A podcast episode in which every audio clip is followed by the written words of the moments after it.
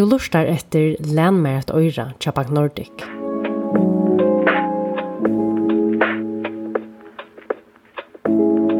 Hon hever veri negativ, men nu ver hon positiv.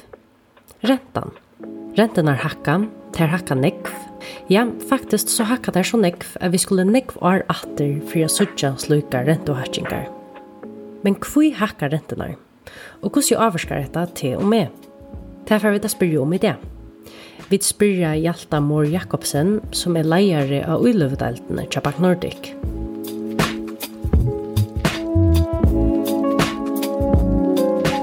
Ja, til såleis at den europeiske eh, MIBanken, han hever eina høvesoppgave, og det er a syrja fyrir at heva eina inflasjon, det er altså prysen av generelle pryser av, av vørum, um, som skal være alle under 2% om år til det som tar mye etter. Og vi har i nekv år haft en inflasjon som er vært vel under 2%, men nå opplever vi til søvlig sérstøve og i i heimen om faktisk, er at vi tar en inflasjon som ligger norskast 20%. Så tog gong da så kjøtt fyrir seg å få rentene opp, til det er man säger till amboje som som vi bara brukar till att till att tolma eh, en heitan budskap till er att att sätta räntorna upp. Så det har stått att det länge är att inflationen som är orsaken till att eh, räntorna för upp. Ja, det är en och alena faktiskt inflationen som gör det att räntorna för sätta så kött upp nu ja. Hur är det att det hjälper upp att det sätta räntorna upp? Ja, hvis vi, vi takker fra, fra Gerans til nå, um, hvis, um, nå sier vi at rentene er ferdig opp og i følgen eisene, og, og det gjør til at folk ikke kunne låne og lykke noen penger. Tøy at ta man ger man ger man ger rocken stitch upp månader lek och snäkt du skal betale atter av lån. Någon så sjön en hakker renta, att det er fallit på i og på et lån. Så så har du skal du betale mer atter. Og det gjør så at de prisen av husen han får, han för nyer og, og det er faktisk endamal. Du har ikke prisen og og husen, det er jo vi til en par av inflasjonen til disse pryser og og husen. Så, så det er faktisk maten man gjør. Det vil si at, at det er dyrere at kjøpa futsing eller få futsing, um, og, og det gjør at, at uh, det er troblere at kjøpa vår. Så årsøkjen til høverrentene er altså høva inflasjonen. Men hvi er inflasjonen så høy? Man snakkar om til trudjar årsøkjer. Eitt er alt han likviditeten som kom at na korona. I USA fikk man til døms en tjekk nærmast manarliga. Og, og vi tar æsja i Europa nekvi hjelpapakkar. Så, så huset har haft utrolig nekka penger a bruka. Og sjån den tar i at na korona er, er man ska Jens har blir vanlig så har vi det några pengar att bruka. Och det syns ju självt att vi tar några pengar att bruka så ett spräver några varor. Och tar det är nog av varor. Man ska en orsakation det krutche i i Ukraina som ger att att vi manglar olja och gas med att vara resna ehm så ger det att priserna hacka så mycket när vi får så hög inflation.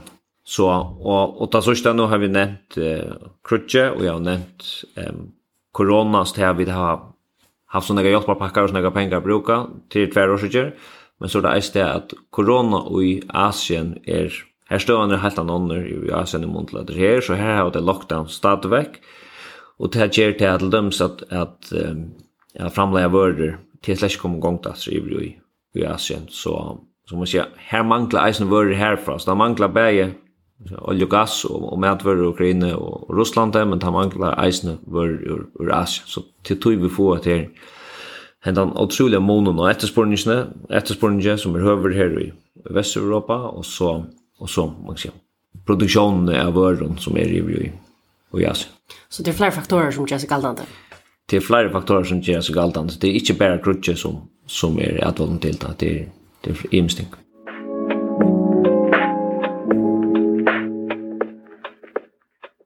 Det er altså lotfallet i middelen hendan hua etterspørningen etter vørum og lofastlige luttla utbøye som er årsøkjen til høv og inflasjonene, som atter er årsøkjen til høv og rentene.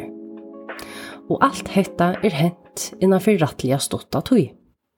Ja, vi, vi skulle kanskje til, til endan av årene fjør, ta man sier, det var byrjanen til en, en inflasjon som var litt sin hakkere enn tvei, men ta vår, ECB, som er heiti at det europeiska seg, MIBankanon, ut og säger til at det vant at det var bare firebils inflasjon, og at inflasjonstølene får å lakka at. Så ta gjør man ikke så nek vi rentene, eller man brøyte ikke rentene, ta kjolt om tendensene våre i arbeid. Men så inni til noe år, og særlig at når Krutje brast av i, i Ukraina, så har vi sett til at dette er altså en verande inflasjon som er øyelig høy, og, og, og til det som som ECB sier nu at dette er ikke noe som er fyrirbils, hette noe som er værende, og, og tog sett man så harst det nu, og, og sett rentnar så, så nek god. Du sier at det er værende, for jeg vet at sutja hakka enda mer enn det er gjerne på nå? Ja, det er fara vit. Ehm um, vant at det er at det her var rentefond uh, satt satte kvar vecka, sena sett setta opp i 0,45 prosenten. Og det kan man eisen vanta at man gjør næste fer, så vi kunne kanska vanta ett rentestøye som er om halvt annet til 2% eh, hakre, hvis vi hittar kanskje en, en fyra måneder fram og kort. Så, så ja, jeg avgjørs kunne vi vanta et, et hakre eh, rentestøye eh, resten av året.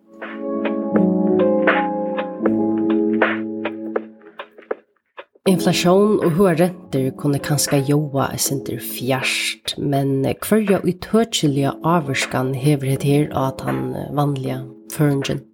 Ta ut det her vært negative renter, så um, mest det er rett, rett konkret, hvis jeg eier sindra penger, um, så kan jeg velge mittelen heva det av konto til negative renter, men det gjør mer sinter mer motivasjon til kanskje for å gjøre en grøylever, om jeg så kjøpe virusbrøv, eller om jeg för jeg bygger et hus eller jeg kjøper meg en affære, eller hva det det i alla fall motivationen er bruka penningen på över hackre ta och ta det ta i vet att det negativ ränta så tillgångar som hvis vi skulle göra det synd är synd enkelt så så er det enda mal till å få med å bruka penningen men nu er vi til en ärstöve at nu ser det ut att buskapen blir for heiter och nu vill mig på en heva, et eller er ju med ett incitament eller en motivation till att eh, bära upp stenfisk.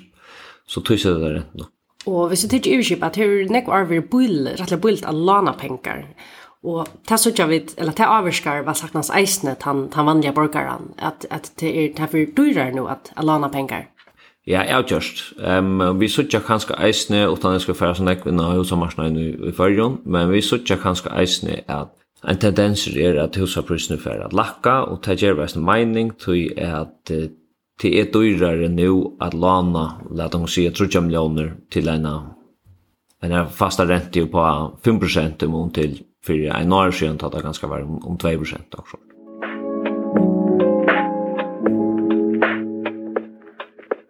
Det tidligst nesten som om at støvan vi lav og renton var bedre for de som kanskje ikke åtte som det var penger, tog at de kunne lana rettelig bøylet, og mye støvan som vi tar nå vi høv og renton er bedre for de som eier nekva penger. Kan man sette det så løs opp? De som eier nekva penger har til endamål at sperre opp, kan man si. Så er det sånn bedre enn å få det en innlandsrente. Um, og jo er just tja taimon som, som skulle bruka pengar eller bruka futsing her nu um, til en nek verre støva tja, tja taimon uh, bare nu enn det var for bare en år siden. Så, så jo ikke nivå om at de som har tørva av penninger eller lana penning her er, er det en trobel, faktisk en trobel støva.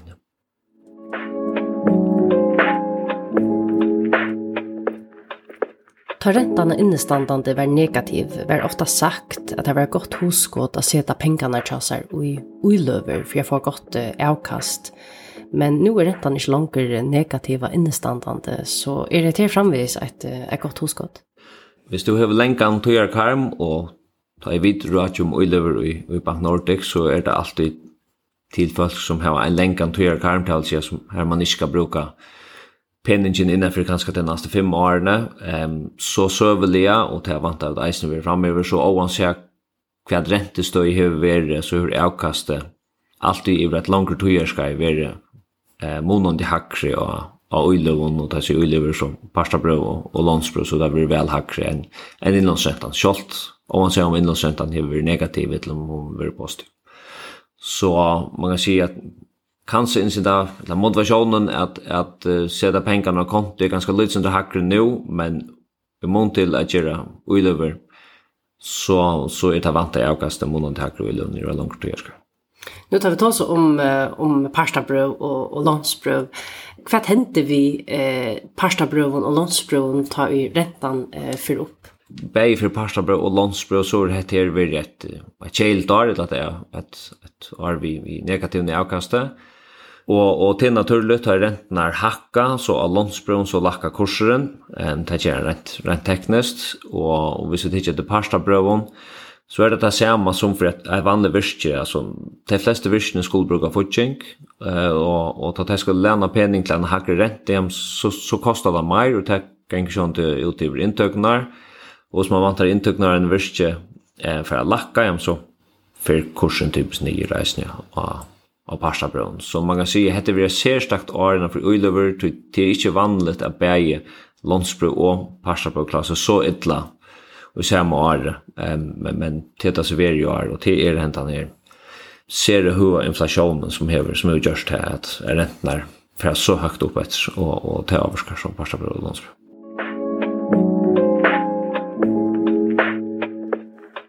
det senaste året har vi varit rättliga eh, ostått. Eh, vi har haft hög inflation som säger, vi har haft eh, hackande rätter. Vi ser inte att som är sinter fram i togorna. Är det så näka som förhalta fram för att det är en hackare inflation och en hackare rätter? Det är öliga trobult att säga om man kan säga att kvarja för inflationstölene vi har kundgjort nu så är det nok så stor spänningar om hetta tøy til at eg halti man kan sjá at ungen veit om hetta om vi har rakt toppen nu eller om rakt toppen om om trúja manar eller seks manar til at trúja trúbult at sjá vi kommer bara sjá at at at bei mi bunch i Europa og eisini mi bunch i, USA som kallast for fett gjerne og trúja stóran innsats for å få inflasjonstål nye, så det skulle nok være nye for la sætne men det er trúbult at sjá om, om det er nu eller om det er om, om trúja manar Och tar vi så fram eh, några mannar fram så kan man se heter en gång som nog för att vara en alert jag chat men för alla sättene så får man kanske eisne att uppleva det mer stabilt än att uppleva det bara nu. Ja, jag skulle vanta till som sagt. Eh, Mibankan stöjde efter en inflation som är om lite 2% och og det gjør det allt för at man kommer ner att ta man ska rent teoretiskt budskap budskaparliga så med man att det är sunnasta för en budskap att inflation ligger cirka 2%, 2%, om og och ja, ta tar mye etter tog så skulle nog komma här till men som det her nu så så mest det att at vi får hakker renter och och så lätt att hem som har törv av fotching alltså för dyker och ganska det som skulle som skulle bruka futching til att köpa sig en hus ehm det vi dyrare att time